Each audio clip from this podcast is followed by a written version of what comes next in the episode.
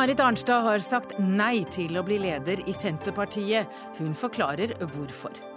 Går det an å elske filmene og hate mannen? Woody Allen anklages igjen for overgrep mot sju år gammel adoptivdatter.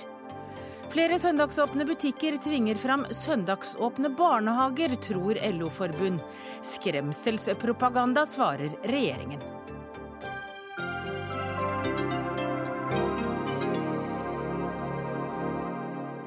Ja, Det er noen av sakene i denne utgaven av Dagsnytt 18, men vi rekker også å snakke om månelandingen som ikke ble noe av, spørsmålet Støre ikke behandlet og gråtende elleveåringer som helgeunderholdning. Velkommen til Dagsnytt 18, jeg heter Hege Holm.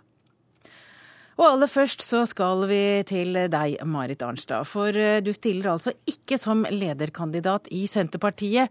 Det har du varslet valgkomiteen om i går. Og da må du forklare oss eh, hvorfor vil du ikke bli leder i Senterpartiet? Ja, når dette kom tilbake til politikken i 2012, så var det ikke for å bli partileder, men fordi jeg syns at det er veldig interessant å jobbe med politikk. Eh, og det eh, vil jeg også fortsette å gjøre framover fra Stortinget. Men jeg er helt sikker på at jeg kommer til å gjøre en bedre jobb for partiet i andre roller enn i rollen som partileder. Og det har jeg kommet til etter en grundig vurdering med meg sjøl. Ja, du har brukt en tre ukers tid på å tenke deg om. Hva var det som fikk deg til å ta avgjørelsen? Nei, så Jeg har gått gjennom eh, litt eh, både mine jeg, eh, hvordan jeg sjøl ser på det og føler, føler, på det, og mine egne sterke og svake sider. Og så har jeg selvsagt sett på at jeg mener at Senterpartiet har en lederkandidat som er en bedre lederkandidat enn meg, og det er Trygve Slagsvold Vedum. Hvorfor er han bedre enn deg? Altså, vi, Jeg og Trygve vi deler det at vi begge to har vært gjennom eh, viktige erfaringer partipolitisk. Vi har sittet i sentralstyret, vært parlamentarisk leder og vært statsråder. I tillegg så er Trygve strategisk en meget klok mann. Han evner å se gode sammenhenger i politikken. Han er utadvendt, kommunikativt meget god, og han har evnen til å begeistre en forsamling. Og det er viktig for Senterpartiet framover. Marit Arnstad, det er veldig mange som åpenbart har ønsket deg som lederkandidat, som du nå skuffer? Ja, men jeg, jeg, tror det at det er viktig også at, jeg, at, en, at en har litt sjølerkjennelse av hvor en kan gjøre den beste jobben. Og jeg vil veldig gjerne være, være med å gjøre en jobb for Senterpartiet i årene framover. Og jeg vil veldig gjerne være med på det laget som vi nå må sette sammen for å utvikle partiet videre. Eh, men jeg tror jeg gjør den beste jobben fra den posisjonen jeg er i dag, nemlig på Stortinget. Du sier eh, til Aftenposten i ettermiddag at du heller ikke stiller til nestledervervet. Hvorfor gjør du ikke det? Nei, så Jeg har ikke vurdert det, fordi at eh, dagens nestleder har sagt at han eh, ønsker å stille opp. Og, og ønsker å, å, å stille er Ola Borten Moe? Ja. ja. Og, og, da har ikke jeg noe grunnlag for å utfordre Ola Borten Moe i en sånn posisjon. Så det, har, det er en posisjon jeg ikke har vurdert. Aftenposten kaller deg for prinsesse. Ja. Ja.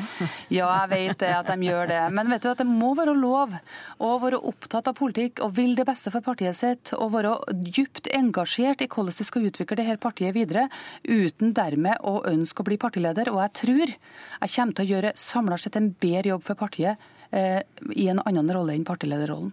Og nå har du fortalt hva du tenker, men politiske kommentator i Nasjonen, Drude Behr, hva tenker du når du hører Marit Arnstad begrunne hvorfor hun ikke stiller som lederkandidat i Senterpartiet? Jeg tenker først at hun er en av de få betydningsfulle politikere og andre som i offentlighet snakker om sine egne begrensninger og sier at jeg vil dit, men ikke lenger. Jeg er best der, men ikke nødvendigvis eh, på toppen. Det står det all respekt av, syns jeg. Men, men, det er ikke noe tvil om at, at eh, det er mange som blir skuffet.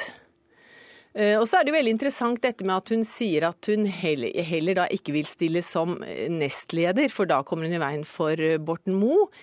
Det tror jeg det er Det er nok eh, mange som er glad for. Eh, Borten Moe har eh, Man kaller det en fløy, jeg vet ikke om det er riktig, men hans politikk og hans politiske vilje har også mange tilhengere. Samtidig som han har eh, skapt mye han har fått mye kritikk og skapt en del uvilje, så han er en litt omstridt person. Men mange syns jo at han, stort, at han, er et stort politisk talent som de gjerne vil ha med videre. Og så får de jo Trøndelag med, da. Så det var jo også et spørsmål. Kan det være to trøndere i ledelsen. Er det en overraskende avgjørelse Marit Arnstad har eh, tatt i løpet av helgen? Ja, jeg syns det er litt på en måte overraskende, fordi at hun på en måte har meldt seg på ved å si at hun vil komme til å snakke med valgkomiteen. Så da har hun skapt Men det er jo ikke noe nytt at hun er, at hun er har sett på seg selv ikke eller ikke har sett på seg selv som leder. Hun har sagt alt dette at jeg er ikke den utadvendte sosiale, men hun har jo en masse politisk erfaring og masse erfaring utenfor politikken. Og, men alt det hun sier om Slagsvold Vedum, tror jeg veldig, veldig mange er enig med henne i. Han er en dyktig politiker, han har utviklet seg masse de siste, siste årene. Og han har gjort en god jobb som landbruksminister, og han er, han er en som virkelig kan gripe forsamlinger og, og skape entusiasme. Det kan nok Marit Arnstad òg, men, eh, men, de er forskjellige. Ja, og det er helt åpenbart at eh, hun, den typen makt som hun får ved å være leder i partiet, ønsker hun ikke å ta i denne omgang. Og hun peker på Slagsvold Vedum. Det. Betyr det at eh, Senterpartiet får den roen de sårt trenger? Det tror jeg de gjør. Altså jeg, Så vidt vi har forstått, så er, så er det et godt, et godt, klima mellom Slagsvold Vedum og Borten Moe. De er litt forskjellige, de representerer litt forskjellige retninger, men det kan jo være bra nok så lenge de, begge de to retningene, eller flere retninger, fins i partiet. Så er det, og, og Arnstad kommer helt sikkert til å være en god støttespiller, og hun er jo en dyktig statsråd. Ja, dette ble kjent for bare få minutter siden, så takk for at dere kunne stille her i Dagsnytt 18 i ettermiddag. Takk til deg, Marit Arnstad, og også takk til deg, politisk kommentator i Nasjonen, Drude Behr.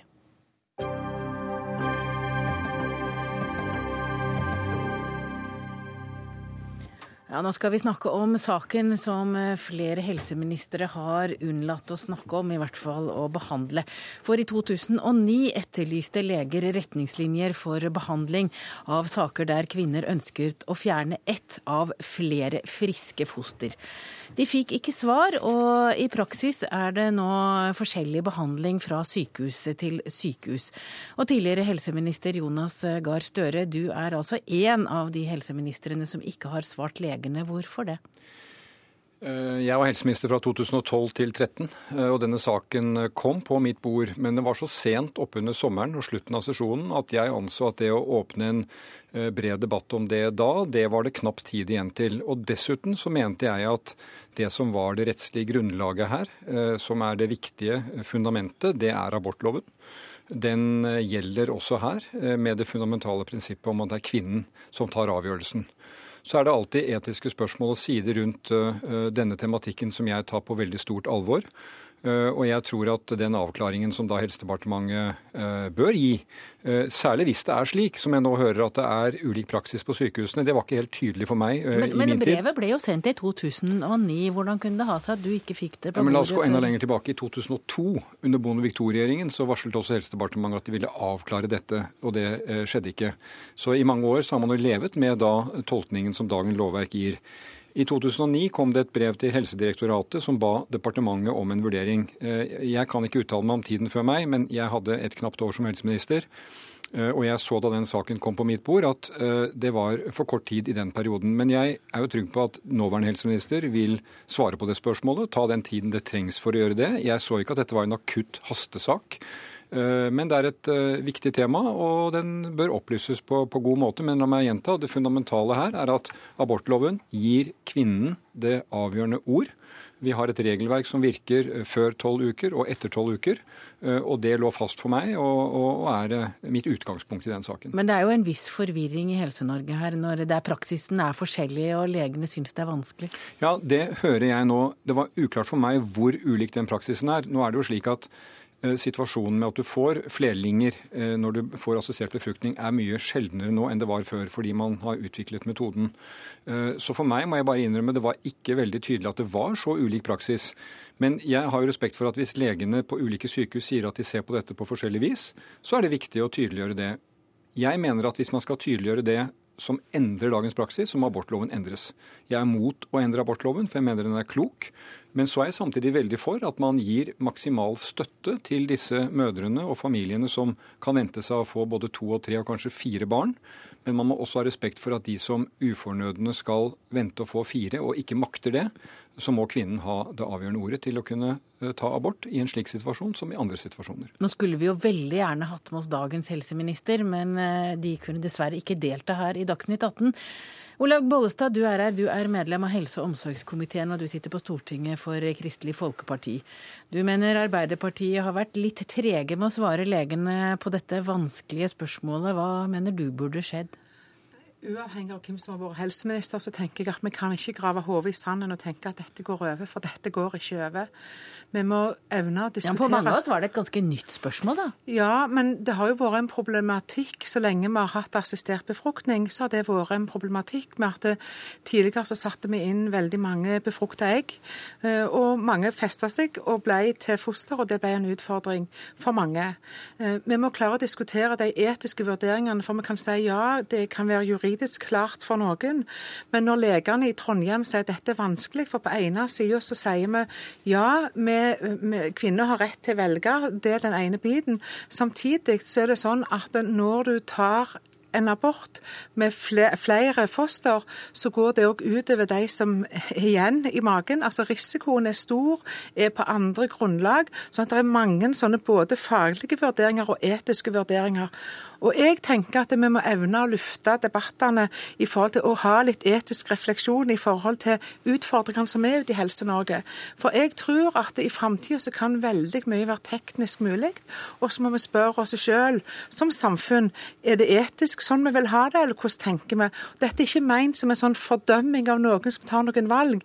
Jeg, vi bare ønsker å lufte en debatt som jeg tror er kjempevanskelig. Men, men kommer du ikke fort opp i en ny abortdebatt eh, med en ny innfallsvinkel? Gjør det, men, men når, jeg, når, jeg, hører på de legene i Trondheim som sier at det veldig mange ganger så er det på sosiale grunner at en faktisk sier det, og da tenker jeg hvis vi som samfunn eh, tenker at det er noen som utfordres på sosiale grunner, så har vi jo ikke vært flinke nok til å ta det inn, det inn over. Altså noen politikere i forhold til det å ha flerbarnsfødsler, altså både med rettigheter de kan få, permisjoner, eh, engangsstøter Kanskje vi må tenke på hjelp i hjemmene òg. Altså, vi har ikke vært flinke nok noen til å ta Og det er kanskje der vi må være med å lufte òg, sånn at vi klarer å hjelpe noen i forhold til de etiske valgene som er vanskelige. Sånn at det kanskje noen nok slipper å måtte velge vekk hvis de hadde fått bedre støtteordninger rundt seg. For jeg tror vi har et felles mål, og det tenker jeg at mange har. det at Vi ønsker jo ikke at det skal være flest mulig aborter, vi ønsker jo å redusere hvis vi har muligheter for det. Og Hvis det går an,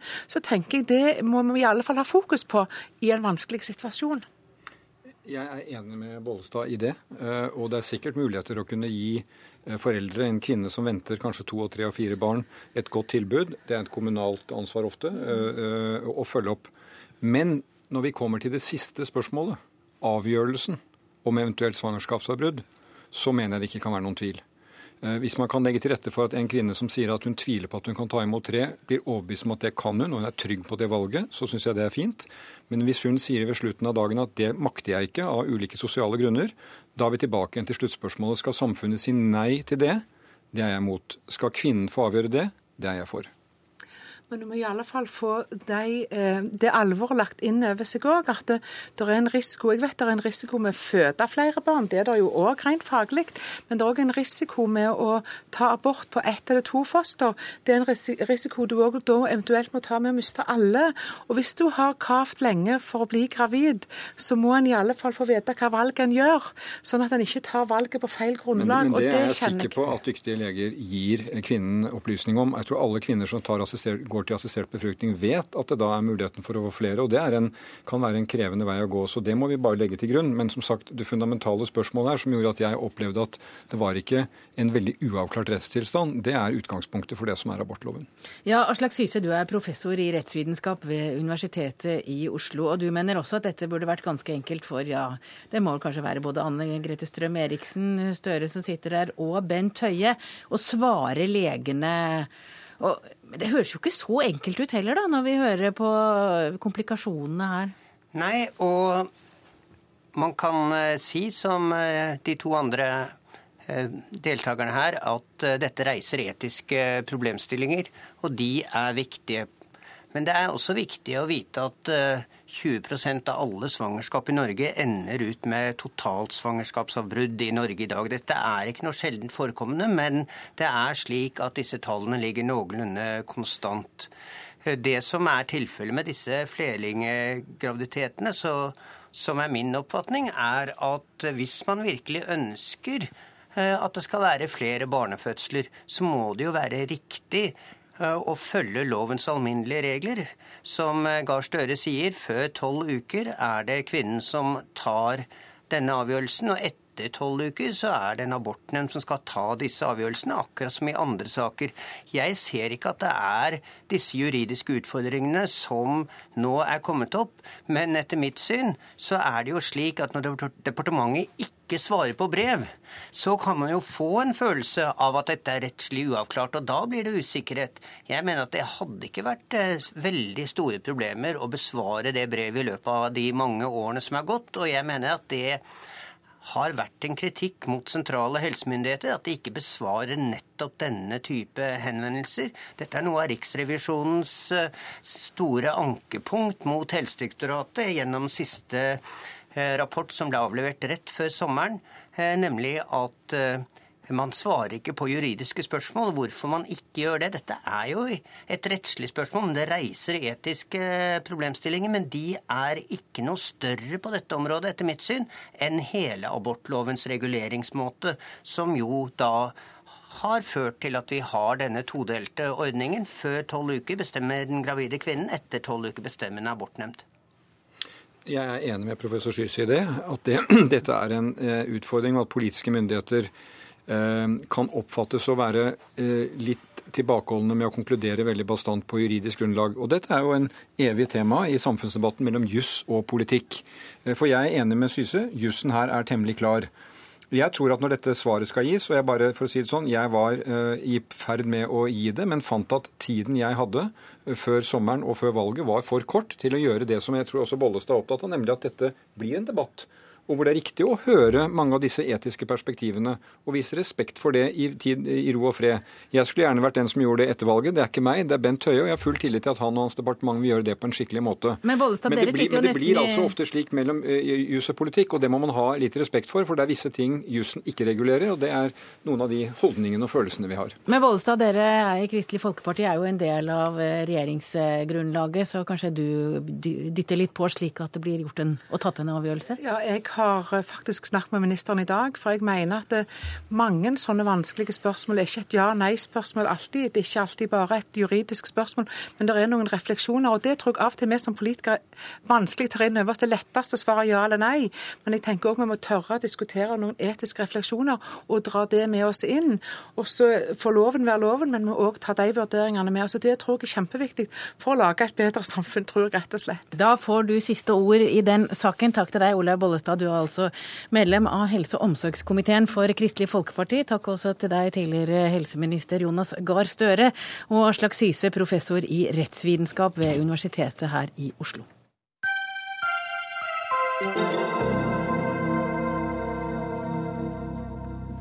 I regjeringserklæringen ble regjeringspartiene enige om at butikker skal få holde søndagsåpent. Dette liker ikke LO-forbundet som organiserer butikkansatte, og nå sier de, altså Handel og Kontor, at også barnehagene må holdes oppe på søndag hvis butikkene skal holdes åpne. Og leder i Handel og Kontor, Trine Lise Sundnes, eh, nå må du forklare meg sammenhengen mellom åpne barnehager og åpne butikker. Først og fremst si Fra vår side så er dette ikke, dette ikke en ønsket utvikling. og Vi har heller ikke eh, vært ute og sagt at det må være sånn, men vi ønsker å understreke overfor regjeringen at dersom man eh, nå avregulerer ytterligere, sånn at søndagen blir en vanlig hverdag, så vil det også føre til et behov for at våre medlemmer trenger å få gode omsorgstilbud for barna sine også i helgene. Eh, og Det går altså ikke an å lukke øynene for den utviklingen vi ser både i Sverige og Danmark på dette området. Og det betyr? Det betyr eh, at det er et eh, behov eh, når flere må arbeide eh, i helger og på søndager for at eh, også barna blir ivaretatt gjennom gode omsorgstilbud i helgene, dvs. Si, eh, åpne barnehager. Ja, Julie Brodkorp, du er statssekretær ved statsministerens kontor. Er det slik at når dere nå vil ha søndagsåpne butikker, så så er det heller ikke tanken om søndagsåpne barnehager så fjern. Nei, altså Grunnen til at vi vil ha søndagsåpne butikker, er jo et uh, viktig prinsipp som har vært og er i Norge, at vi gjerne vil ha likhet for loven. Og I dag er vi i en situasjon hvor uh, de som driver næringsvirksomhet, ikke opplever at det er det. Altså Man har såkalte gartnerier som kan holde åpent, men som nå ikke bare selger blomster lenger, men gjerne hundemat og hageutstyr. Og så har du direkte konkurrenter av de som ikke definerer seg som gartnerier, men allikevel konkurrerer direkte med disse som ikke kan ha åpent. Men, men vi har hørt dere begrunne hvorfor før, men, men, betyr det at når dere liksom vil åpne søndagen og gjøre det til en vanlig handledag, så betyr vel kanskje det at resten av samfunnet må følge etter? At altså, folk må jo ha pass til barna når de skal på jobb. Ja. Så lenge alle vi som sitter i studio her har, har levd, så har vi vel eh, hatt eh, lørdagsåpne butikker. Og vi har aldri hørt noe rop etter eh, lørdagsåpne barnehager. Og det er sånn at eh, en tredel av eh, normalarbeidsstyrken i, i Norge jobber utenfor normalarbeidsdagen. Så den, den utviklingen er der om vi vil eller ikke. Og så er det jo ikke sånn at vi sier at butikkene må holde åpent, men vi sier at vi mener at eh, vi her må legge til rette for et regelverk som er likt for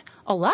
Og så er det opp til forbrukerne om vi etterspørrer at disse butikkene skal ha åpent. Skremmer dere bare, eh, Trine Lise Sundnes? Nei, vi gjør jo ikke det. Eh, og det som er forstemmende her, det er jo at regjeringen faktisk ikke tar utgangspunkt i hvordan Norge ser ut i dag i forhold til hvor mange butikker vi har. Eh, vi har også en høy butikktetthet i Norge. Dvs. Si at vi har like mange butikker i Norge som vi har i Sverige. I Sverige har de et dobbelt så stor befolkning som oss, og vi har fire ganger så mange butikker som Storbritannia.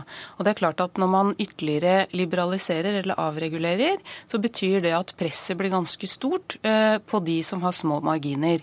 Eh, så er det jo sånn at eh, Men er det butikkeierne dere tenker på, eller er det de ansatte dere snakker for nå? Nei, Vi snakker på vegne av våre medlemmer og de vi representerer i bransjen.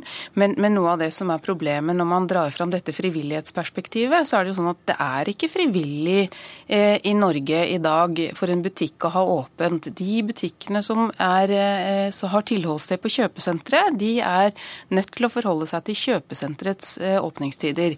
Vi har hatt eksempler på butikker hvor våre medlemmer og eiere har gått imot åpningstidene på senteret, og hvor senteret har vært veldig tydelig på at da må dere finne dere et annet sted å være. Så frivilligheten her er, eh, er en illusjon. I tillegg så er det jo sånn at hvis vi ser da på det er nærliggende å gå til Danmark, for de har jo nylig liberalisert. Eh, og se på hvordan har utviklingen vært. De er veldig tydelige på, både fra arbeidsgiver og arbeidstakers ståsted, eh, at det er de store kjedene og det er kjøpesentrene og supermarkedene som vinner dette. Og Det betyr i realiteten at Og der vil de også ha barnehager? Ja, eh, nå er det faktisk sånn at under årets oppgjør så går altså Dansk Erverv sammen med Dansk KK sammen til regjeringen og ber om døgnåpne og søndagsåpne eh, barnehager. Fordi at dette har satt så mange yrkesgrupper i sving på søndag eh, at eh, man ser behovet for det. og poenget er at det regjeringen ser bort ifra, Julie, det er jo nettopp at handlemønsteret endrer seg. Fordi skal man ha inntjening i forhold til søndagen, så må de store være ganske rå eh, i forhold til eh, sin markedsføring av søndagen som handledag. Vi ser det i Danmark. Alle de store kampanjene de går på søndager. Det betyr at alle tilbudene de går på søndager. og Det betyr at de som har trang økonomi, de har altså ikke noe annet valg enn å handle Nå, på søndag. Her var det mange ting på en gang. Altså, det her er akkurat samme den uh, argumentasjonen som man uh, hadde i, i Willoch sin tid, i forhold til at man generelt skulle regulere det meste. Om det var å ha monopoler rundt omkring, eller om det var åpningstider. Det er en stor forskjell på denne regjeringen som sitter nå, og LO, med at vi mener mener at markedet der faktisk må få lov å gå inn og bestemme, og at det er forbrukeren som må stå i sentrum, og ikke matmilliardærene som jobber sammen med dere. Men vi trenger vel ikke dette. søndagsåpne butikker, og Nei, vi ønsker det jo heller ikke. For veldig mange av oss som er travle småbarnsfamilier, så må jeg si at det hadde vært kjempefint å kunne handle på en søndag. Og for alle de familiene, om det er at mor eller far jobber i turnus, eller at man jobber på annet vis i forhold til utover normalarbeidsdag, så vil det være en forenkling i hverdagen å kunne handle på en søndag. Og så vet vi også at det er veldig mange ungdommer som jobber i butikker på lørdager, og de butikkene som har åpent på søndager. Og de har mange uttalt at det de kunne tenke seg, er å da kunne jobbe både lørdag og søndag en helg, og så heller ha fri helgen etterpå. Så her føler jeg at når man nå begynner fordi man skal åpne på søndag, og si at det vil gjøre at vi må ha barnehager åpne på søndag, så mener jeg at det er et vikarierende argument som LO nå bruker mot det de alltid har kjempet mot, nemlig at forbrukeren skal settes i sentrum. Og det kommer denne regjeringen til å fortsette å gjøre. Sette forbrukeren i sentrum. Men vi har også sagt i plattformen at dette regelverket i forhold til søndagsåpent skal utformes sammen med partene i arbeidslivet. Og der kommer det til å være svært viktig at man sørger for at deres rettigheter tas godt vare på. Altså jeg registrerer jo at uh, denne regjeringen er mer opptatt av forbrukeren enn arbeidstakeren. Uh, uh, det, det, får nå være deres sak. Men det de glemmer, det er jo at vi snakker om altså landets største private sysselsetter. Og det er klart at Endrer man handlemønsteret på disse dagene, så er det mange yrkesgrupper som følger med. Ta f.eks. Sandvika storsenter eller Strømmen storsenter. 2000 arbeidstakere som skal på jobb på en søndag. Hvordan er kollektivtilbudet buffra på søndag? Det vet jeg i hvert fall. Eh, og det betyr at da må eh, den delen opp. Leverandørbransjen må sørge for å levere. Og det er Altså, det er altså mulig eh, å dra noen erfaringer fra naboland som har eh, gått den veien, og se eh, og stikke fingeren i jorda og spørre oss selv vil vi virkelig dit. Og dette er jo sånn eh, at ikke vil ansatte det, ikke vil arbeidsgiverne det, ikke vil forbrukerne det. Så det er altså bare dere politikere som sitter igjen og ønsker denne utviklingen. Og når skjer det, Julie Brodkorp? Nei, altså Det står i regjeringsplattformen, og det er et av de punktene som man vil begynne å jobbe med. Men det er ikke nært forestående, fordi vi kommer til å ta kontakt i forhold til partene i arbeidslivet. Men så må jeg si at eh, det har aldri oppstått verken trafikkorker eller andre problemer av, av lørdagshandel. Og så må du være enig i at i en situasjon hvor eh, man har en Brustadbu på 100 kvadratmeter, hvor man kan få lov å selge matvarer. Men man har, man har altså bensinstasjoner som selger mat, som er 150 kvadratmeter. Man har gartnerier som selger det, alle mulige andre varer, men mens konkurrenter ikke får. Julie det trengs en likhet for loven. Så får vi se hvordan det går med barnehagene. Får vi også barnehager på søndager og lørdager? Det får framtiden vise. Takk til deg, Julie Brodkorp. Du er statssekretær ved statsministerens kontor. Og takk til deg, Trine Lise Sundnes, som er leder i Handel og Kontor. Hør Dagsnytt 18 når du vil, nettradio eller som podkast. nrk.no – dagsnytt 18.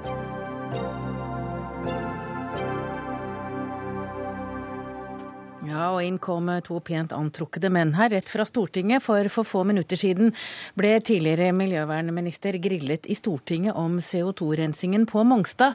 Da den rød-grønne regjeringen kom til makten i 2005, kom de fram til et kompromiss om å gi grønt lys til gasskraftverk på Mongstad, mot at de skulle utvikle teknologi som kunne fange og lagre CO2-utslipp fra anlegget. Men i fjor høst, som mange husker, så ble altså prosjektet med fullskalarensing lagt i skuffen uten å ha kommet i havn. Og i ettermiddag var altså siste høring i Stortinget, og Abid Raja, du sitter i kontroll- og konstitusjonskomiteen for Venstre. Har du nå fått svar på alt det du lurte på? Nei, det har jeg ikke. Eh, men jeg vil bare understreke at eh, formålet i kontroll- og konstitusjonskomiteen er ikke å grille aktørene som kommer, og vi har heller ikke forsøkt å grille Bård Vegar Solhjell. Men Riksrevisjonens rapport den konkluderer jo med at kostnadsstyringen eh, til Stoltenberg i dette prosjektet har vært for dårlig. De inngåtte avtalene som staten har inngått, altså som regjeringen har inngått, eh, de har vært for dårlige. Og når avtalene først har vært dårlige, så har man også hatt for slett oppfølging eh, for å få på plass riktige insentiver. Har du fått, har du fått altså, Gjennom en slik høring så må jo være målet å få vite noe nytt. Har du fått vite noe du ikke visste før høringen startet? Ja, både òg. Eh, det er mange aktører som har sagt at eh, det ikke var nødvendig med TCM-senter, altså et testsenter for å gå på plass med fullskala anlegg. Jeg ble jo kanskje litt overrasket over når Stoltenberg sa at månelandingen hadde skjedd. Det var jo noe nytt for meg, for jeg har jo antatt siden eh, hans nyttårstall i 2007 at månelandinga var et fullskala renseanlegg. Men han sa jo i kontrollhøringa, hvis jeg ikke hørte feil, at månelandinga jo hadde skjedd på, på testsenteret. Det mener jeg jo egentlig ikke kan stemme overens med det som var hovedprosjektet. Og det som også har kommet frem, er at det verden har trengt, er jo et fullskala renseanlegg. Og det har man ikke fått på plass. Og det skyldes den slette oppfølgingen politisk som har vært på dette. Det har vært den dårlige kostnadskontrollen som har gjort at man har fått eh, enorme, eh, altså enorme sprekk på, eh, på, budsjettet. Og ikke minst det Riksrevisjonen sier, at deler av opplysningene skulle ha vært fortalt i Stortinget på et langt tidligere tidspunkt enn det de ble orientert i Stortinget om. Nå sitter Bård Vegar Solhjell ved din side. Han ble da spurt ut i dag. Fikk du tilfredsstillende svar av ham? Jeg vil si både og. Jeg vet jo at jeg er overbevist, sånn sett bort fra at jeg er saksordfører i saken. Du vet ikke, men du er Nei, altså jeg, og jeg er overbevist om at SV har veldig gjerne villet eh, få på plass eh, et fullskala anlegg. Og Det har alle miljøpartiene ønsket, det har også Venstre ønsket. Så har man ikke fått det til. Så kan man stille seg spørsmålet hva er det som har gått galt underveis, og når visste man at dette prosjektet ikke kom til å bli noe av? Og Allerede i 2009 så får man på plass en kostnad 25 milliarder kroner. Som altså er det estimatet som man legger til grunn også nå, for å avslutte hele prosjektet. Hvorfor stanset man ikke allerede da? Hvorfor da, tok man ikke nødvendige grep allerede underveis? Da, vi, da sender vi det spørsmålet videre. Bård Vegar Solhjell, hvorfor stanset man det ikke allerede da? Fordi det ville vært feil. Eh, problemet her er jo ikke at eh, vi har satsa altfor stort, eh, men at, har, men at vi måtte være djerve og vågale i et stort, nytt, risikofylt og vanskelig klimaprosjekt. Vi har lykkes med noe av det, men vi har ikke lykkes med fullskala på Mongstad. Og Så har vi lært én ting i den høringa, syns jeg, og så frykta jeg én ting. Det vi har lært, det var at alle partier på Stortinget støtta det vi gjorde på Mongstad. Det var brei oppslutning rundt det. Problemene og utfordringene kjente man dels om, dels kom de etter hvert. Alle støtta det likevel. Og til og med når vi gikk vekk fra Mongstad i fjor høst, så støtta Venstre og alle de andre partiene. Jeg tror fordi alle så at vanskelighetene var for store, usikkerheten for stor. Det jeg frykter aller mest etter denne høringa her, det er at den skal føre til overforsiktighet i klimapolitikken. At ingen tør et nytt, stort milliardprosjekt, en ny månelanding, som vi sårt trenger for det, det som er virkelig viktig. Men, men hvorfor ble det ikke noe av? Når, altså, hva... jeg, det, jeg, jeg, har prøvd å forklare i dag det jeg syns er det jeg mener er det viktigste grunnene da jeg var med på den beslutningen. Det første er at den opprinnelige avtalen med Statoil eh, ikke hadde sterke nok incitamenter, altså hva skal jeg si, muligheter til å få Statoil til å gjøre det, og vi dro med oss det i mange år. Den andre grunnen som jeg syns er vesentlig, det er at det er stor usikkerhet om framtida til hele anlegget på Mongstad. Raffineriet jeg vet vi har økonomiske utfordringer, i den bransjen. Det gasskraftverket går for halv maskin. Det er en risiko for at det ikke er der faktisk i framtida. Og det tredje er at fra at vi nå har brukt penger som, er, som vi vil ha nytte av for teknologiutvikling, og uansett hvor vi skal lage et anlegg, så skulle vi i 2014 gå over til å bruke penger som er spesifikke for Mongstad. Og Da begynner vi plutselig å investere store summer som vi ikke får bruk for hvis vi ikke lykkes. Derfor mente jeg det var riktig med et uh, skifte. Kan jeg få lov til å si en ting til? Fordi én ting provoserer meg veldig med det Abid Raja sier. Han har nemlig fått svar, men han tror ikke på de svarene han har fått. Vi har fortalt at beslutningen ble fatta i september, og vi gikk ut med en kort tid etterpå. Men det snakkes jo om et notat du har skrevet sammen med Ola Borten Moe, som ble skrevet i vår? Det er en prosess som har vært før det. De tror at den egentlige beslutningen ble tatt før. Jeg har fortalt at det er ikke sant. Eh, den beslutningen ble tatt kort før vi gikk ut med den, og man kan ikke gå ut med en beslutning før den er tatt. Jeg respekterer at han tror jeg lyver, men litt provoserende syns jeg det er. Og til slutt så endte det altså med, med å støtte den beslutningen som ble tatt. Hvorfor tror du at Bård Vegar Solhjell lyver? Nei, altså Lyver er jo hans ord. Eh, men jeg har stilt spørsmålstegn basert på de to artiklene som Dagens Næringsliv har skrevet, eh, og også for så vidt det brevet som Solhjell jo eh, de facto har sendt. Det jeg også stilte spørsmål til Bård Vegar Solhjell om i dag, er jo at det brevet han sendte i februar, ikke ble altså journalført før seks måneder seinere, rundt valgtidspunktet. Det er jo dette brevet som, som, Dagens Næringsliv skriver om. Og det de skriver, er at både, både Solhjell og Borten Moe var av den oppfatning at dette prosjektet skal skrinlegges. De skriver videre eh, at dette ble diskutert i underutvalget, men SV skulle ha eh, en miljøpolitisk seier av betydning med fullskalaprosjektet Mongstad før man eventuelt skulle gå og offentliggjøre eh, at man skal skrinlegge dette. Så skjøv man på dette til etter valget. Dette har altså ingen statsråder verken ville bekrefte eller avkrefte. Ja, skal vi Det få er viktig. Solhjell da, til å han enten bekrefte Ja, eller avkrefte. Alt det her har stått i artikler, og det har stått masse andre spekulasjoner i ulike artikler. Ja, er det feil? Ja, det er feil at beslutningen var tatt tidligere. Ikke At den i spør realitet... Jo, det var det vi fikk Spør han spørsmål om i presist om det som står i Dagens det- det- Næringsliv, om det er feil. Det er det det- presise Men spørsmålet. Det er det presise Feil spørsmålet. På vegne av på spør jeg om det som står i Dagens Næringsliv er feil. Ja, og ingen som har vært statsråd, vil kommentere spekulasjoner om intern saksbehandling. Det, det. det gjør vi ikke nå. Det kommer ikke den nåværende. Mm. regjeringa til å gjøre. Hvis Abid Raja vil endre praksis og gjøre interne diskusjoner offentlige, så kan han foreslå det i Stortinget. Det er det ikke. Det bør det ikke være. Men, men beslutningen ble tatt i fjor høst. Og så må vi prøve å løfte blikket. Hva skjer nå? Jo, heldigvis er det brei enighet i Stortinget om at vi skal gå videre med arbeidet med å få et anlegg for fullskala rensing av CO2. Det er avgjørende viktig å få til innen 2020. fordi hvis vi ikke klarer det, å få til å fange og lagre CO2, så vil vi ha svært liten sjanse for å nå det såkalte togradersmålet i klimapolitikken. Det er det Men- avgjørende nå. Og det tror jeg kanskje dere to er helt enige om.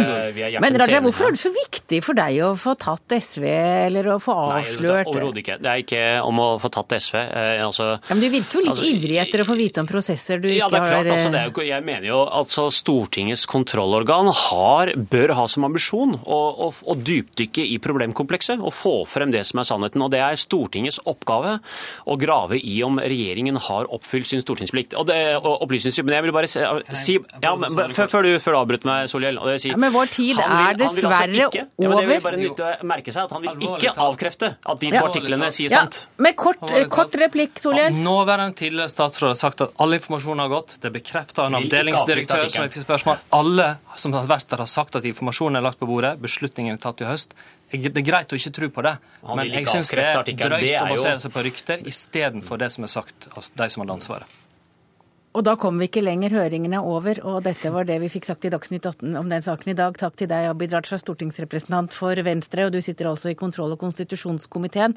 Takk også til Bård Vegar Solhjell, tidligere miljø- og utviklingsminister. Det er derfor du sitter her. Bare miljøvernminister, ja. Greit. Takk til dere.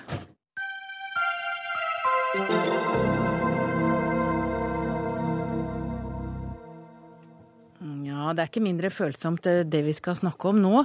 For eh, vi stiller spørsmålet hvilken Woody Allen-film er din favoritt? Et spørsmål som veldig mange stiller, eh, i hvert fall i sosiale sammenhenger hvor de diskuterer filmer de er glad i. Slik startet altså også blogginnlegget Woody Allens nå voksne adoptivdatter Dylan Farrow publiserte i helgen. Her beskriver Dylan Farrow hvordan Alan overgrep seg på henne da hun var liten, og mener at det er noe Alan-fans bør ta stilling til. Og Geir Ramnefjell, du er kulturredaktør i Dagbladet, og etter hva jeg leste i dag, så må du være ganske stort eh, Woody Allen-fan. Ja, det finnes sikkert større og folk som har eh, Men du bryr deg om filmene? Ja, absolutt. Og jeg synes Men du er har lest innlegget til eh, adoptivdatter Dylan Farrows innlegg. Det er klart jeg har. Ja. Det var jo veldig, Jeg leste det i helga, og det var veldig sånn, jeg ble helt sånn fengsla av det. Veldig, veldig rysta. Det er ekstremt sterk lesning. Um, og så begynte jeg å undersøke saken uh, litt mer. Leste noen flere um, artikler, og, eh, og uh, det som i hvert fall jeg, det som slår meg, da, er at selv om Og, og leste reaksjoner i sosiale medier om Og har dere lest i blogginnlegg, og dette setter hans filmer i et helt annet lys, og huff, og dette var ikke bra, og sånn. Men når man leser hva som, er, eh, hva som skjedde da, for 20 år siden, eh, så syns det ganske klart at eh, det er helt umulig å gjøre opp en, en kvalifisert mening om hva som faktisk skjedde. Fordi altså, selve, selve overgrepssaken kom aldri opp for retten. Det var en legekommisjon som, som undersøkte og fant ut at det ikke var noen grunn til eh, å eh, si at det var eh, noe seksuelt overgrep. Eh, Samtidig så var det, eh, samtidig så var det en fordel, barnefordelingssak hvor hvor ODN kom ganske godt, eh, dårlig ut av det. Så, så Poenget er at det spriker i alle retninger, og vi kan ikke vite. Selv om dette er et utrolig sterkt innlegg og, Eh, og noe som det nesten er helt umulig å på en måte forholde seg eh, følelsesmessig analytisk til, da, så er det en sak som vi ikke kommer til å få avklart, med mindre en av de to endrer forklaring i dag. Da. Plutselig kommer og sier nei, han sier unnskyld, beklager. Og, og, når det, og, når det, forholder seg sånn, så kan det ikke være på en måte et folketribunal som, for, som, som forholder seg til om det har vært overgrep på en sju år gammel jente. Og med det som utgangspunkt så kan man si at da er det meningsløst å, å la det farge ens oppfatning om, eh, om Odeans uh, filmer. Mala Wagn Naveen, du er kommentator og anmelder i Aftenposten. Er du enig i det? Ja, jeg tror du er inne på ganske mye av det jeg selv tenkte da jeg leste de, eh, disse tingene. Du viser jo til et um til en sak som eh, en, en journalist i Daily Beast uh, har skrevet ganske utførlig om. Altså han, dette er en journalist som også er dokumentarist, og han skrev et forsvar for Woody Allen som har blitt delt mye på sosiale medier, hvor han går da inn og viser hvor komplisert egentlig Woody Allens liv og denne saken har vært, som gjorde at jeg i hvert fall så denne feiden mellom Mia Farrow og Woody Allen som har pågått i mange år år, og eh, hvordan barna har blitt påvirket av dette, og, og denne, denne, forferdelige, dette forferdelige eh, som har skjedd antagelig, eller som ikke vet om har skjedd, da, men denne påståtte hendelsen med Dylan, uh, Dylan Farrow. Og eh, det var, det var, så mye der jeg ikke visste om, som jeg nå eh, plutselig skjønte mer. og jeg, jeg, la ut dette på min Facebook-side og skrev at uh, dette fra et gravejournalistisk ståsted er ganske sterkt. og, og kanskje omtrent, altså, like sterkt som brevet brevet til Dylan. Hva er det som foregår her? Og det, det som slo meg, var at jeg tror vi aldri kommer til å få et svar. Eh, vi kommer aldri til å kunne vite eh, hva som har skjedd. Men hvordan påvirker det da synet på kunsten? For Woody Allen er jo en eh, voksen mann, han er 78 år gammel. Men han fortsetter jo å lage filmer. Det påvirker altså jeg tror veldig mange, Spesielt med Woody Allen er det litt vanskelig, for hans liv er så stor del av kunsten hans. Dette nevrotiske mennesket som etter streber så mye, men som ikke får til ting. Um, og så tror jeg også en annen side at det er at han er en referanse for veldig veldig mange som er glad i film, og kultureliten spesielt. Selv om Woody Allen sier at han er low culture, han er en fyr som liker å drikke øl og se på baseball, så er han jo Og spille saksofon. Jazzklubber. Jazzklubber, ikke sant. Altså, at han er eh, så mange menneskers referanse, eller en av favorittreferanser, ikke sant? sitater og det å diskutere hvilken favorittfilm man har, eh, så gjør det til at vi må ta stilling til Oi, vi må ta stilling til mennesket ved siden av kunsten. Og det mener jeg at vi faktisk ikke trenger. Vi kan, ta, vi kan like filmene hans, vi trenger ikke å like Woody Allen. Ja, jeg er, vel, jeg er, vel, enig, men jeg mener at vi ikke har noe grunnlag for å ikke like Woody Allen. Da. Det er det som er poenget her. At uh, så lenge dette her er en uavklart sak, og en, uh, det må jo kunne kategoriseres som, en, som en privat, et privat helvete. Altså, det er jo, dette er jo egentlig på en måte den verste form for Eh, for, eh, for, offentlig omtale du kan, eh, du kan, bli rammet av. Og dette, en, dette, må jo på en måte oppleves som ganske uvirkelig fra begge sider. For det virker jo som, som både Woody Allen og hans støttespillere og Mia Farrow og Dylan Farrow mener på alvor det de, har, det de, det de skriver og det de, det, de, uttaler seg om. Så det er jo opplagt at her er det Her har det ikke vært Eh, her har det ikke vært bare greit. Men det blir veldig, veldig vanskelig å skulle forholde seg til eh, til en, et, et, så komplisert eh, oppsett, familieoppsett, eh, uten å faktisk vite hva som er fakta i saken. Men når du da kommer til å se Woody Allen-filmer i framtiden, vil du da tenke på anklagene mot regissøren? Altså, det har hengt der så lenge uansett. Altså, bare det, dette er jo en 20 år gammel sak, så folk har på en måte vent seg til den tanken allerede. At her er det på en måte her er det noe rart. Og, og, og, og selv, om, eh, selv, om, det nå er gått 20 eh, år og, saken blusser opp igjen, så betyr ikke det at man, at man vil se på det med helt nye øyne. Jeg tror ikke det. Vi stiller også ikke det spørsmålet hver gang vi leser Hamsun her i Norge heller, så jeg tror nok han eh, han slipper unna den, den hos veldig mange, altså. Takk til deg, Mala Wang Naveen, kommentator og anmelder i Aftenposten, og Geir Ramnefjell, kulturredaktør i Dagbladet.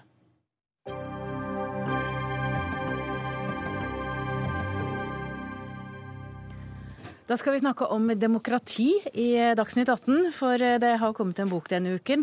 Historiker Finn Olstad har skrevet om demokrati, eller mangelen på demokrati, fra 1814 og fram til i dag. Og ambisjonen med å skrive denne boka, 'Det farlige demokratiet', det er å gjøre Norge til et bedre samfunn.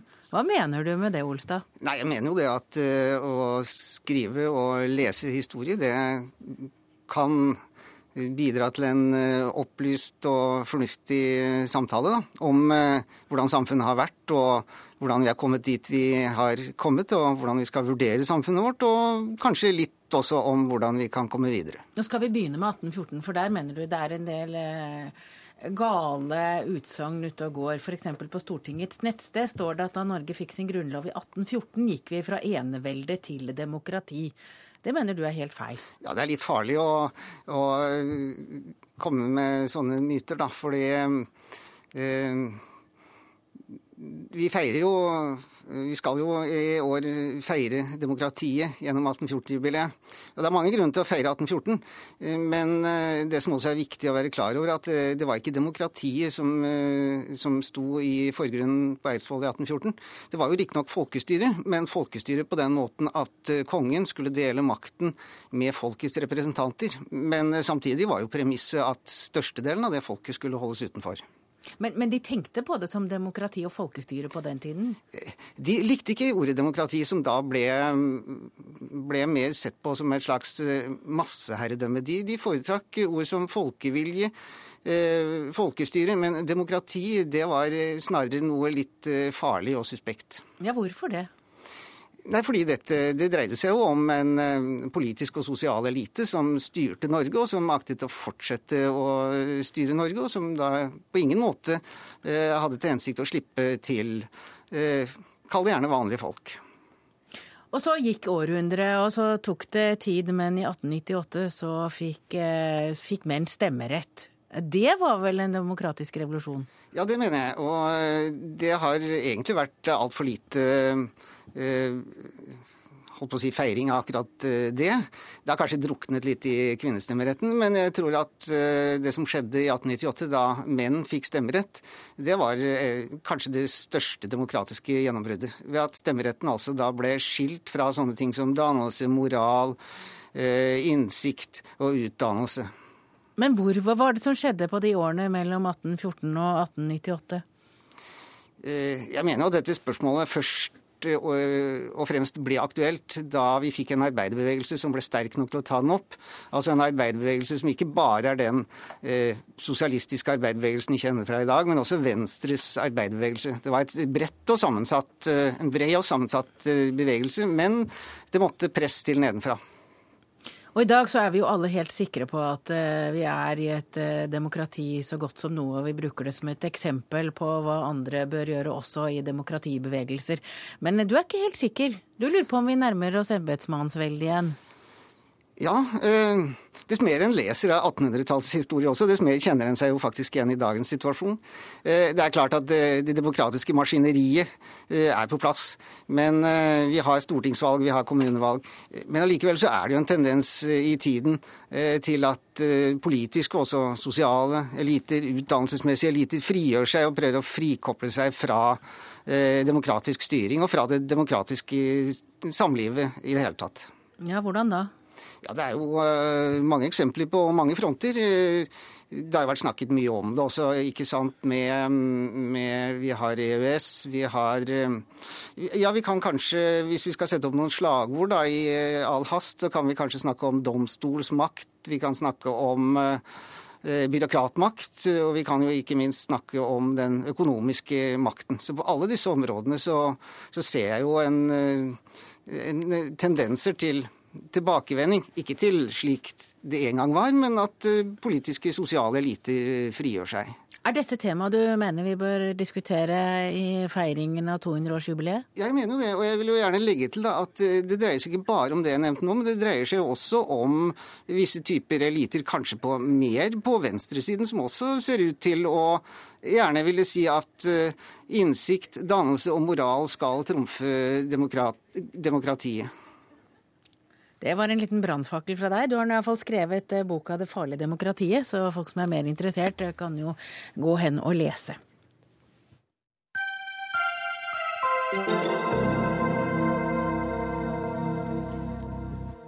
I fredagens utgave av Norske talenter på TV 2 fikk vi se en elleve år gammel jente forlate scenen oppløst i tårer etter å ha blitt stemt ut. Hun fikk aldri fullført sangen, men ble stanset, eller ekset ut, som det kanskje heter, av to dommere. Det er ikke første gang barn som får drømmene knust på denne måten, bryter sammen i beste sendetid, og nå får altså TV 2 kritikk for å utnytte barns følelser til underholdning. Og Ann Kristin Fiskerud, du er foredragsholder i Barnevakten, og du har engasjert deg i dette. Du, altså Barnevakten er organisasjonen som gir råd om barn og medier. Og du har reagert, men hva er det du reagerer på? Det jeg først og fremst reagerer på, er jo hvordan barn blir brukt til eh, å underholde ja, aller mest voksne, men naturligvis hele familien. Og at også TV 2 velger å vise de klippene hvor barn faktisk tyr til tårene, og hvor de kanskje opplever uh, sitt livs mareritt med å bli ekset ut og få knust drømmene. Du tror ikke at barn ser såpass mye på TV som dette her at de vet uh, hva som venter? Nei, det er veldig stor forskjell fra hvordan barn uh, opplever det å sitte og se på TV selv, og hvordan det er å opptre når du står der. Det er veldig, veldig stor forskjell. Hva tror du det gjør med de barna som er med? Eh, dette her gjelder nok ikke for alle barn, men veldig mange barn vil jo da føle at eh, det de har trodd på, det de har drømt på, blir knust. Eh, veldig mange barn vil slutte å holde på med de aktivitetene som de mener de er gode i. For de har jo da fått en riksdekkende beskjed om at du er ikke bra nok. Og det å si det til et lite barn, det er veldig tøft. Det er tøft nok for oss voksne å få en sånn beskjed. Men et barn som har meldt seg på via foreldrene, syns naturligvis dette er helt grusomt. Takk til deg, Ann Kristin Fiskerud. Du er altså på møte i barnevernet, så vi har bare hanka deg ut. Men du skal få gå tilbake til møtet ditt, så skal vi høre hvilken tilbakemeldingen elleveåringen fikk fra dommerne i Norske Talenter etter at hun hadde sunget Edith Piaf. Du har jo en fin stemme. Uh, Edith Piaf var jo uh, altså hennes formidlingsevne når hun sang, og hun hadde jo mye smerte og mye inni seg, som, som på en måte det blir vanskelig for deg som elleve år å formidle. Det er som Lisa sier, dette med formidlingen. Den er jammen ikke lett å ha med seg. Men istedenfor å velge en av popsangene som finnes i dag, så velger du den. Det liker jeg. Noen år til uh, med jobbing på Piaf-repertoaret, så tenker jeg at Britt Synnøve Johansen må gå og legge seg. Her hørte vi den siste dommeren. Ronny Larsen, du er skribent og har skrevet om dette i Vårt Land i dag. Du så programmet, og du reagerte også, men jeg syns jo ikke dette hørtes så ille ut? Nei, det kan det være, men det jeg reagerte på, det var at jeg satt der og så sammen med familien min, som jeg bruker på fredagskvelden. Og så var det en liten reportasje om eh, Emma først, Emma Nord, som da sang Piaf.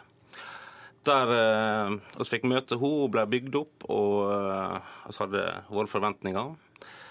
Underveis i sangen så eh, var jo det bra, men jeg tenkte at hun kommer nok ikke til å vinne konkurransen, for hun hadde ikke en god dag. Men hun hadde ikke en dårlig dag heller. Så jeg tenkte at jeg håpte at de som satt og dømte, de kunne i hvert fall oppmuntre henne når hun var ferdig å synge sangen sin, som varer litt over ett minutt. Men underveis i sangen så eksa den ut, og da tenkte jeg ja vel. Og så var det en til som eksa, så etter sangen var ferdig og fikk tilbakemeldinger, så virka det som det gikk svært mye innpå henne. Så hun sprang bort til eh, mor si. Og eh, det dommerne burde ha gjort, det var å sagt det Solveig Kloppen måtte ta seg av i etterkant og stå og trøste på den måten der, for å så prøve å bygge den opp igjen. Men da var det toget allerede gått, og hun ville bare bort vekk derifra. Og etter jeg så det, så tenkte jeg hva i all verden er det jeg sitter og ser på? Er det, er det virkelig slik at jeg skal sitte og se på at hun jenta der får knust kanskje en drøm i beste sendetid? Så jeg gikk ut på gangen, jeg var sint, jeg var lei meg, og jeg satte meg ned, og så begynte jeg bare å tårne og trille. Og da tenkte jeg at selvsagt kan jeg bare slå av TV-en, men jeg vil ikke det. Jeg vil at dette skal opp og fram, og jeg vil at det skal slutte å lage sånne program og kaller det underholdning. For det er ett ord som må gjemme seg inn i underholdning, og det er holdning. Og den holdninga der den må opp og fram, og den må forandres. Du må få bedre holdning til sånne eh, billige eh, løsninger som dette der. Jannicke Engan, du er produsent i Monster, og det er dere som lager programmet for TV 2. Hvorfor viser dere barn eh, helt ned, ja dere viser enda yngre barn, men dette var en elleveåring som brøyt sammen viser, som helgeunderholdning? Vi viser Altså, Norske Talenter er jo Hele konseptet er at det er en scene for absolutt alle. Det er ingen aldersgrense, og det er åpent for alle. Um, og det handler om å prøve seg og prøve drømmen sin om å stå på en scene. Og noen ganger så går det bra, og noen ganger så går det ikke. Og oppgaven til dommerne er jo å gi en tilbakemelding. Når jeg bare sier, jeg, skjønner, jeg ser også at det kan være brutalt, og jeg ser at man blir rørt og beveget av det. Det skjønner jeg godt. Men det er vel et poeng for dere som skal det, bevege det, oss? Det er et poeng at man skal bli engasjert i deltakeren, helt klart. Men det jeg må si er jo én, vi sier aldri til noen at det ikke er bra nok. Det ville vi aldri sagt. Som hører på dommertilbakemeldingen, så handler det om å gi gode, konkrete tilbakemeldinger. Vi handler ikke om å knuse drømmer. Tvert imot så ønsker vi at folk skal fortsette å drømme og stå på en scene. Og Norske Talenter er jo en veldig erfaring med det at folk kommer jo tilbake. Daniel, som vant i 2011, var jo en av de barna som gikk på scenen, ikke fikk det til, kom tilbake og vant sesongen etter. Og så vil jeg bare si, når vi jobber med jeg skjønner På TV så er det jo en veldig sånn én historie som fortelles, og det er jo TV-historien. Den selve audition, møtet med dommerne, TV-kameraene. Men Bak her så er det jo et kjempeapparat. Vi møter jo alle som ønsker å delta på Norske Talenter først. Når det er barn som kommer, så møter vi foreldre og gjerne trenere. Vi snakker med dem. Vi ser hva de skal gjøre på scenen, og vi gir dem tilbakemeldinger. Og hvis vi mener at de barna har noe på en scene å gjøre, og vi ser at de virkelig drømmer om å opptre, så forbereder vi dem på å være med på Norske Talenter, hva det innebærer, så at de kjenner reglene godt og er godt forberedt sånn at de kan komme på scenen og forhåpentligvis få en god opplevelse. Hvis vi opplever at barna ikke er sterke nok på noen som helst måte, eller at de ikke har apparatet rundt seg som de trenger, så vil jo selvfølgelig ikke vi sende barna videre. Og jeg må si, for det som jeg er litt lei med debatten her, sånn, at det har gått så hardt utover mange foreldrene. Og det må jeg si at det er så synd. Fordi alle disse barna har en sånn når jeg opplever som veldig flotte foreldre som heier og tør å la barna sine få lov til å stå på en scene. Og det handler om å tørre å stå fram og prøve seg fram og prøve seg igjen. Ja, Jon Petter eh, Fagerhaug, du er psykolog. Hva gjør det med barn å bli stemt ut på den måten?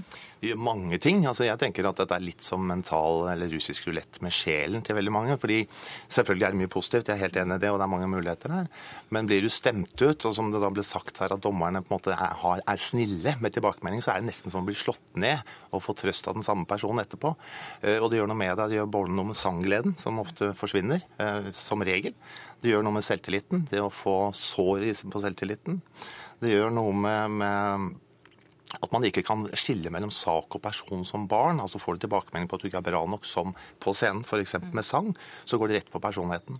Og Dermed så får man en slags traumatisk opplevelse rundt det, som gjør at det, man får et sår man må, man må, slite med man må slite med veldig ofte.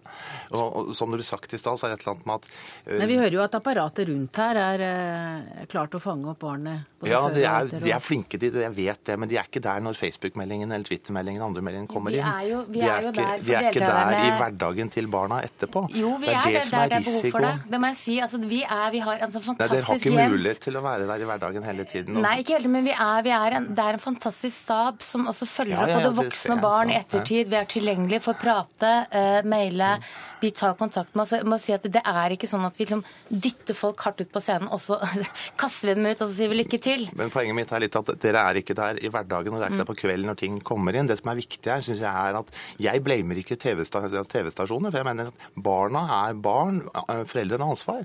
Jeg syns det er rart at folk som sitter og ser på noe, kritiserer TV-stasjonene istedenfor å slå av. Eh, og at det er et eller annet med barnas Foreldrene har ansvar for barna.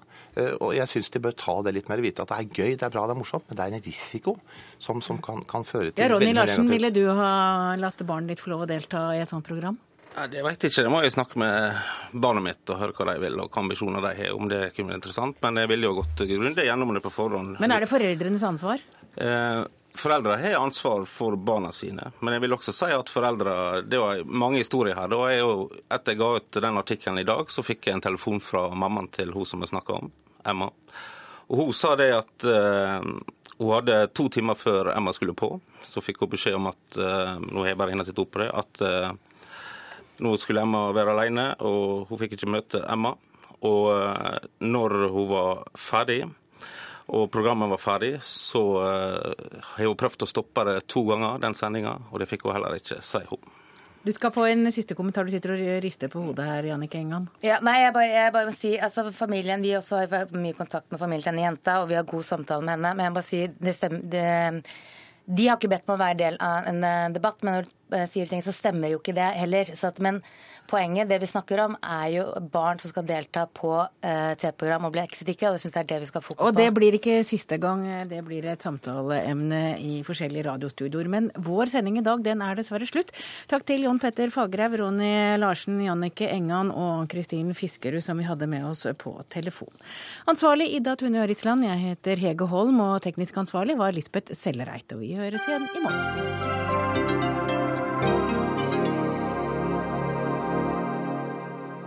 Hør flere podkaster på nrk.no podkast.